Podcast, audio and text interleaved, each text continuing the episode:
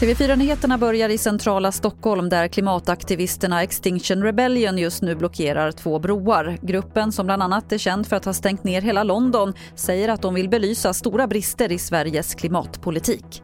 Så till Norge där en man har dött efter att ha blivit attackerad av en isbjörn på en camping på Svalbard i natt. Det rapporterar VG. Inga andra skadades fysiskt av isbjörnen men sex personer som var på plats har förts till sjukhus. Isbjörnen har skjutits ihjäl.